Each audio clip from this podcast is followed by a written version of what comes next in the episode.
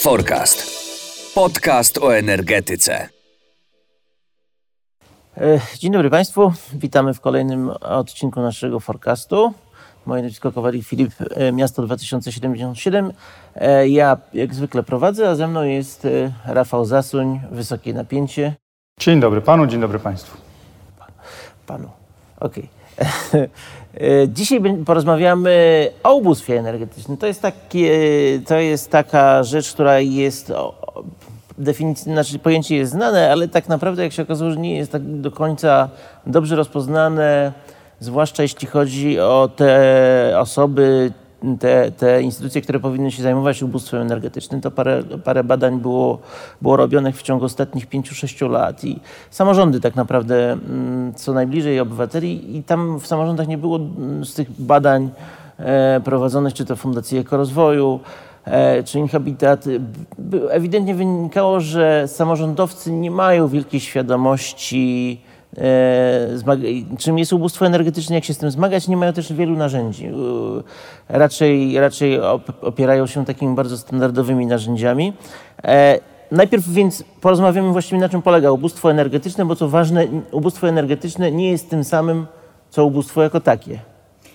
Ubóstwo energetyczne nie jest tym samym, co ubóstwo jako takie, choć oczywiście jest z nim związane. Niestety ani w Polsce, ani w Unii Europejskiej nie ma mm, definicji ubóstwa energetycznego. Jest taka definicja w Wielkiej Brytanii i oni definiują osoby ubogie energetyczne mm, jako te gospodarstwa domowe, które przeznaczają więcej niż 10% swojego dochodu rozporządzalnego na zaspokojenie swoich wszystkich potrzeb energetycznych, czyli prąd, gaz, ciepło, y, no może to być tylko prąd, jeżeli ktoś się grzeje prądem oczywiście.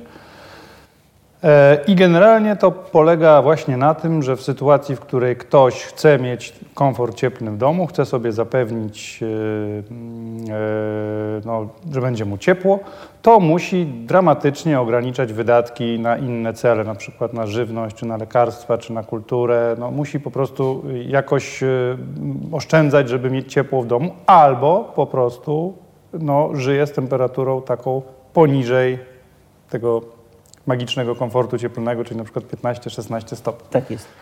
Y, To jest istotne, że ubóstwo energetyczne właśnie dotyczy przede wszystkim energii cieplnej. Nie, raczej energia elektryczna, o ile nie jest wykorzystywana do ogrzewania, nie jest, to nie chodzi o to, żeby nie będę miał prądu do, do, do zasilania swojego telewizora czy y, konsoli do gier, tylko chodzi głównie o to, mm, chodzi o, o kwestię, kwestię ogrzewania. I powiem dwie, dwie rzeczy, takie informacje. E, Instytut Badań Strukturalnych zdefiniuje, że mniej więcej 33% ob, osób, które są objęte, trafiają do tej grupy ubóstwa energetycznego, to są osoby, które są również definiowane jako osoby ubogie ze względów dochodowych, więc widać, że tutaj e, te, te zbiory nie są całkowicie łączne, no to wynika z tego, że przede wszystkim e, wynika z tego, że mamy źle zaizolowane i źle dogrzane mieszkania i wbrew pozorom nie chodzi o to, że to są, że to dotyczy starych, przedwojennych domów, gdzie mieszkają samotni emeryci, bo tak naprawdę tego jest y, najmniej. E, Samych dom, domów przedwojennych to jest około 20, 22% w tej całej puli domów, które są, gdzie, gdzie to ubóstwo jest notowane, a 18% to są, to są właśnie emeryci. E, Głównie ubóstwo dotyczy rodzin wielodzietnych i to są raczej domy budowane w latach 60., 70., także 80., e, czyli takie, które nie były, nie, spełniały standardów e, podstawowych norm, jeśli chodzi o, o, o tą izolację termiczną, no i mają bardzo słabe systemy grzewcze. I to jest właściwie to są dwie rzeczy, które, z, z którymi trzeba najpierw się rozprawić, tak? czyli zaizolowanie domów i właściwe ich dogrzanie. Dodajmy, że dotyczy to niemal wyłącznie indywidualnych domów, czyli y, domów takich, y, no nie, nie bloków, Mm, nie, tam gdzie nie ma ciepła sieciowego, dlatego że w, w dużych miastach, tam gdzie ciepło sieciowe dociera, problem ubóstwa ener- energetycznego jest praktycznie rozwiązany. No, płacimy za to ciepło w czynszu i nie jest to tak istotny kawałek czynszu, na który mieszkańcy miast nie mogliby sobie pozwolić. Więc y, gospodarstwa jednorodzinne, domy jednorodzinne, głównie ta, ta Polska B, polska prowincja. Zresztą Jest taki program, e, jest taki program na Polsacie, mm, który chyba Katarzyna Dowbór prowadzi, Nasz Nowy Dom.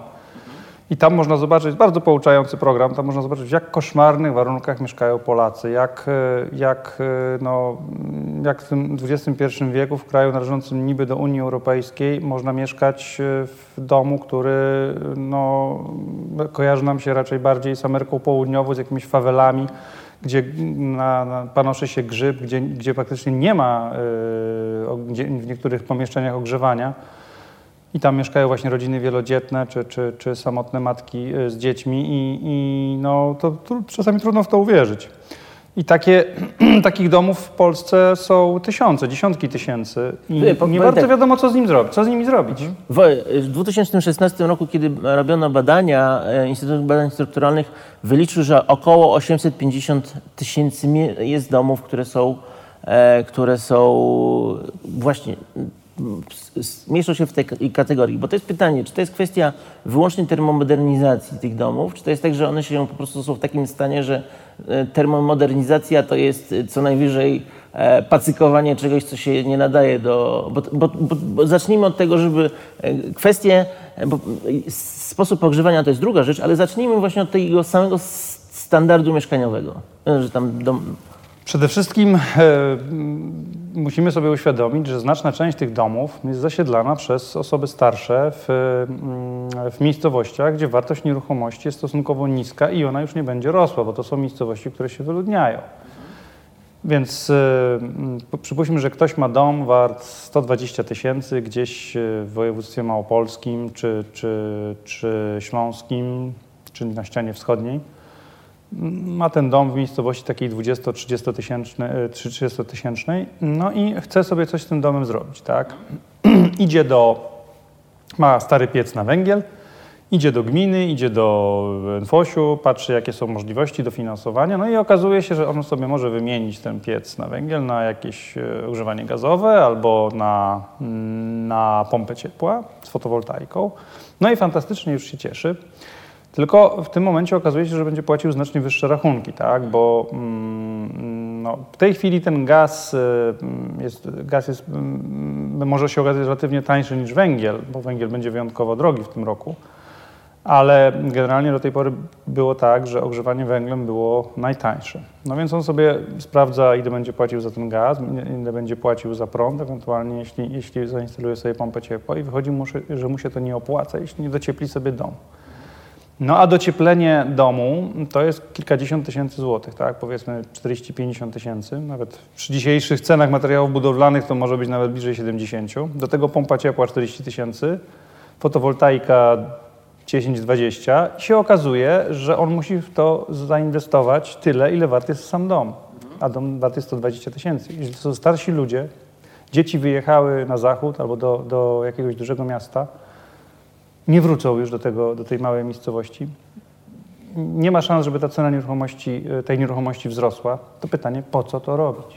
No, po co inwestować w ten dom? Pytanie jest, bo, bo generalnie e, są programy, bo, bo, bo, teoretycznie mamy, e, właściwie praktycznie mamy programy wsparcia rządowego, czyli cały ten program termomodernizacyjny związany z czystym powietrzem i tam jest, są dotacje nawet stuprocentowe praktycznie, nawet 90% dotacje do, do modernizacji. Tylko to nie są te, to nie, mówimy o, teraz o ociepleniach, to nie są tej, czy to jest kwestia, że tam są za mało pieniędzy, bo to jest raczej pieniądze na rzędu 15, 20 paru tysięcy złotych. To jest tak, że te. Bo to jest pytanie, właśnie rzeczywiście co zrobić. Czy to jest tak, czy państwo powinno wziąć i po prostu dać więcej pieniędzy na. E, bo chyba nie bardzo jest inne wyjście, żeby ci ludzie nie mieli problemu z utrzymaniem ciepła w domu, to muszą dostać więcej pieniędzy. Sami tego nie, e, nie, nie sfinansują. Więc właściwie, czyli te programy wsparcia są, y, za, mają za niskie progi e, dotacyjne, żeby objąć wszystkie te domy, które potrzebują tej modernizacji. One mają za niskie progi. Oczywiście ludzie e, widzą, że muszą też e, zainwestować trochę własnych pieniędzy. Tak? No i w tym momencie zaczyna się problem taki, że oni albo mają słabą zdolność kredytową, albo inwestowanie własnych pieniędzy w ten dom jest nieopłacalne. Ten problem występuje przede wszystkim w miejscowościach, gdzie wartość nieruchomości jest niska. I ludzie są biedni, to i, i, i w tej sytuacji po prostu no, ani się państwu nie opłaca inwestować e, 100 tysięcy złotych w dom, który za 10 lat po śmierci lokatorów będzie stał pusty, bo nikt tam nie będzie chciał mieszkać, i, mm, bo te miejscowości się wyludniają. E, Ani tym ludziom nie opłaca się inwestować w dom, o którym wiedzą, że niespecjalnie mają komu go zostawić. Więc nacisk w tej chwili jest położony na miejscowości, które mają e, najgorsze powietrze, najwięcej smogu, ale te miejscowości często są też e, miejscowościami turystycznymi, gdzie wartość nieruchomości jednak rośnie, tak? Na przykład Wisła. I tam rzeczywiście jest pęd e, ludzi do, do wymiany pieców, do termomodernizacji, do instalowania fotowolta fotowoltaiki. Postarać się przejechać po Małopolsce, żeby zobaczyć, jaki tam jest boom fotowoltaiczny. No bo oni mają tę perspektywę, że wartość ich domów rośnie. A, Rozumiem, że no, czyli jednym słowem, no, nie jesteśmy w stanie wszystkiego mm, zabezpieczyć potrzeb wszystkich tak naprawdę. I to jest taka immanentna. I nie ma też to sensu ekonomicznego, bo nie ma sensu docieplać nieruchomości, które będą stały puste, więc musimy jakoś to spriorytety, spriorytetyzować, jak to Okej. się ładnie mówi. I ten priorytet y, smogu, zanieczyszczenia powietrza wydaje się najbardziej y, przemyślany, na- naj, najrozsądniejszy. Okej, i tutaj jeśli chodzi o smog, to jeszcze do, dochodzi same źródło ogrzewania, no bo mamy ten cały czas taki proces wymiany starych palenisk, starych pieców, tak zwanych kopciuchów, na no, pie, piece nowej generacji.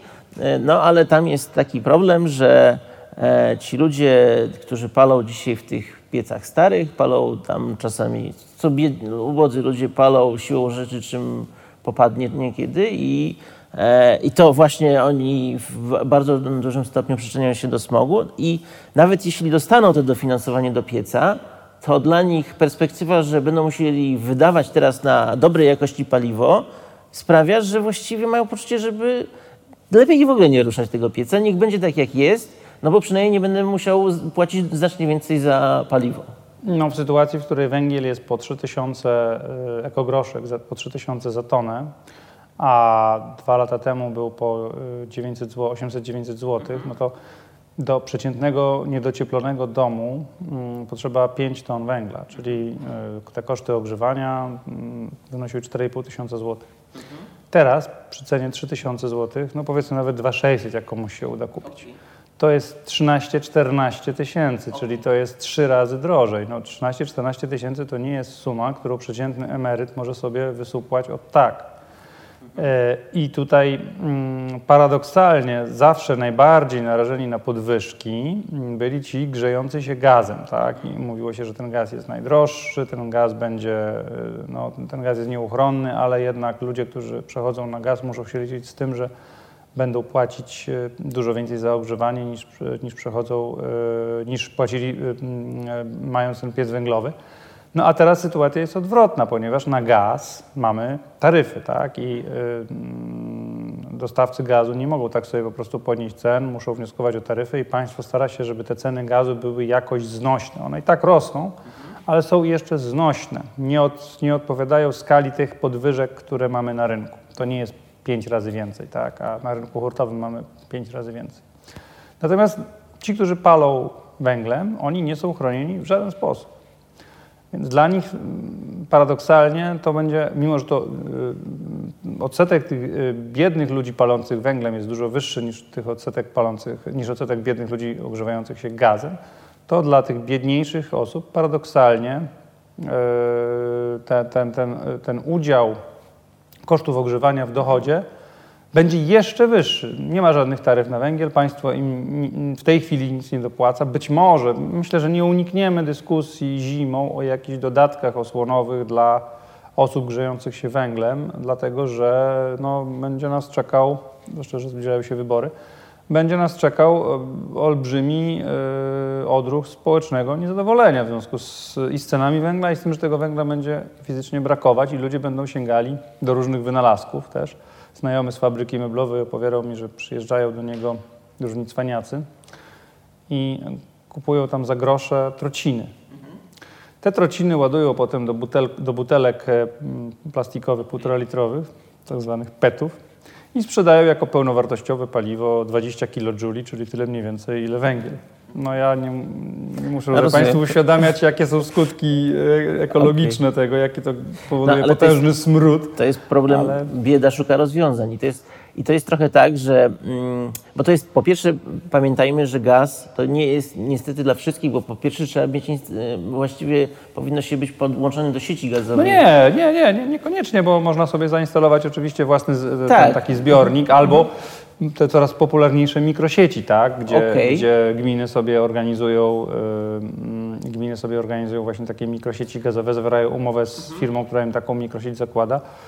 No, jedna z tych firm okazała się firmą rosyjską i ludzie na, na moment zostali pozbawieni gazu, ale to też jest rozwiązanie coraz popularniejsze Okej. w, w Polsce i to się będzie rozwijać. Chodzi mi o, mm, raczej chodzi mi o to myślenie, jakie było dotyczą, dotychczas, jeśli chodzi o ten proces wymiany pieców. Piecy wymieniało się, te stare paleniska się wymieniały raczej na piece, również e, na, na ten paliwo stałe, tak, nie na gaz. Mm, I dlatego chodzi o to, że to w, w tych obszarach, gdzie mieliśmy poczucie, że musimy poprawić jakość powietrza, e, i wyeliminować stare piece. Wymieniliśmy je na piece węglowe. Z dzisiejszej perspektywy się okazuje, że bardziej większy sens miałby używanie gazu, który był wówczas traktowany jako, e, jako droższy. Pytanie jest, trochę jest pytanie takie, na ile to jest taka perspektywa przejściowa, a na ile rzeczywiście może być problem e, bardziej długotrwały, związany z e, wyższą ceną pali, wysoką ceną paliw stałych. Trudno powiedzieć. No nie, nie sposób przewidzieć, ile, ile potrwa wojna i jak długo ten, e, ten, e, ten kryzys na rynku węgla będzie trwał. Pamiętajmy też o jednym, że wymieniając, e, mm, wymieniając piec z węglowego, starego na, na, na gazowy, można liczyć na, na dotacje. Od tego roku, czy nawet już od zeszłego, y, wymiana pieca węglowego na węglowy już niestety albo istety nie pociąga za sobą żadnego wsparcia ze strony państwa. Już nie dostaniemy ani z programu, y, ani z programu Mój Prąd, ani z żadnego innego. Y, Nie dostaniemy już tego wsparcia, więc ludzie po prostu przestawiają się na gaz albo na pompy ciepła. I teraz y, no, problem z gazem jest taki, że wiadomo, że ten, tego gazu też będzie brakować i ten gaz będzie mimo wszystko droższy. On nie będzie drożał w takim tempie jak węgiel, ale będzie coraz droższy, więc musimy myśleć o innych rozwiązaniach, tak żeby jednak gazu też unikać. I tutaj właśnie no, najbardziej perspektywiczne są różnego rodzaju metody grzania się prądem. To nie musi być, y, to nie musi być od razu pompa ciepła, która jest relatywnie najdroższym rozwiązaniem, później w eksploatacji najtańszym. Ale mogą być też y, właśnie różnego rodzaju ogrzewanie na podczerwień, y, ogrzewanie podłogowe na prąd, maty takie cieplne. No, tutaj y, konwektory. Tutaj rynek naprawdę oferuje nam mnóstwo rozwiązań i trzeba, wystarczy po prostu na etapie już projektowania domu, czy też modernizacji domu, dopasować coś właśnie do, do, do, do, naszego, do naszych potrzeb. B- Mamy okres, zawsze ten okres poprzedzający sezon grzewczy jest tym sezonem, tym okresem, kiedy się dokonuje modernizacji. No i teraz ludzie się zastanawiają rzeczywiście, e, co zrobić. I jak ty, jako osoba, która śledzi ten rynek, się zastanawiasz, jakbyś miał komuś doradzić, co on powinien zrobić, jak ma stary piec węglowy i musi go na coś wymienić. Hmm, no przede wszystkim, co musi zrobić? Przede wszystkim porządną kalkulację. Mm, Zastanowić się, z jakich źródeł dotacji, jakiego rodzaju, jako, jaki rodzaj pomocy może uzyskać, czy od gminy, czy od NFOŚ-u, rozejrzeć się po tych wszystkich programach, bo ludzie często nie zdają sobie sprawy, zwłaszcza ci ubodzy, y, to się często wiąże z wiekiem, tak, oni nie mają dostępu do internetu, nie umieją się tym posługiwać. Ci ludzie często nie zdają sobie sprawy. Dlatego gminy mm, sięgają po różne rozwiązania. Rozmawiałem kiedyś e, z wójtem z Kawiny, który powiedział, że bardzo efektywnym sposobem promocji e, mm, tego programu wymiany źródeł ciepła były ogłoszenia parafialne. Ksiądz wychodził mm, po mszy i ten mówił, że tutaj jest taki program, możecie zgłosić się do gminy, zobaczyć jakie macie możliwości wymiany pieców. A przy okazji nie będziecie grzeszyć więcej i ładować tych śmieci do, do pieców i, i wszyscy będą zadowoleni, łącznie z Panem Bogiem. No i to podobno tam działało całkiem nieźle, bo jednak, y, no, ja też wiem po sobie, do redakcji dzwonią różni ludzie i pytają, a gdzie ja mam dzwonić w sprawie tego programu Mój Prąd? E, Więc y, no, potrzebna jest promocja, potrzebna jest, y, potrzebne są nowe kanały mm, dotarcia dla tych, do tych informacji, do, do, do dotarcia z tymi informacjami do ludzi ubogich energetycznie, bo oni też często są wykluczeni informacyjnie. To się jedno z drugim wiąże. E, Były takie swego czasu mm, filmiki promocyjne w telewizji, ale to, to też nie jest, znaczy to jest sposób na zainteresowanie ludzi, ale y, no człowiek, taki człowiek musi mieć konkretnego doradcę, który pokaże mu, jak ten formularz wypełnić, jak, y, jakie on ma możliwości, jakie źródła ciepła, ile to będzie go kosztować. To musi być taka kompleksowa obsługa, tak jak to robią firmy, które instalują na przykład fotowoltaikę, gdzie człowiek tylko podpisuje, podpisuje kwity i ta firma wszystko robi za niego. I tutaj powinno być tak samo. Ale to powinien być samorząd tak naprawdę. Powinien. Tak, i samorządy to robią. Samorządy to robią. Są samorządy, które są bardzo aktywne mm, właśnie w, w tej walce ze smogiem, ale to są głównie gminy, y, gdzie mm, widać, że y, osiedlają się nowi mieszkańcy, że jest dodatni przyrost naturalny, że wartość nieruchomości rośnie. No z moich obserwacji wynika, że, to, że w gminach, w których y, mm, no właśnie jest taka stagnacja, nie ma takiego, nie ma impulsu po prostu, no bo po co, to, po co miałbym to robić, po co miałbym docieplać stary dom i płacić y, te 100 tysięcy, skoro za 100 tysięcy mogę postawić nowy. Mhm, Okej. Teraz pytanie jest takie, e, na końcu właściwie. Od, e, Eurostat od wielu lat mm, prowadzi taką statystykę, mm, czy jaki procent od obywateli odczuwa dyskomfort cieplny, czyli nie dogrzewa. E, I Polska pod tym względem dokonała w ciągu ostatnich 15 lat nieprawdopodobny progres. To było, my w 2007 mieliśmy około, czy tam w 2006 około 28% Polaków, ponad 28% Polaków deklarowało, że nie dogrzewa w zimę swoich domów. W 2020 było to 3%. 3% to jest poziom taki, jaki jest notowany w Skandynawii, w Niemczech, w Beneluxie. Czyli to jest taki poziom, e, przyzwoity bardzo poziom europejski.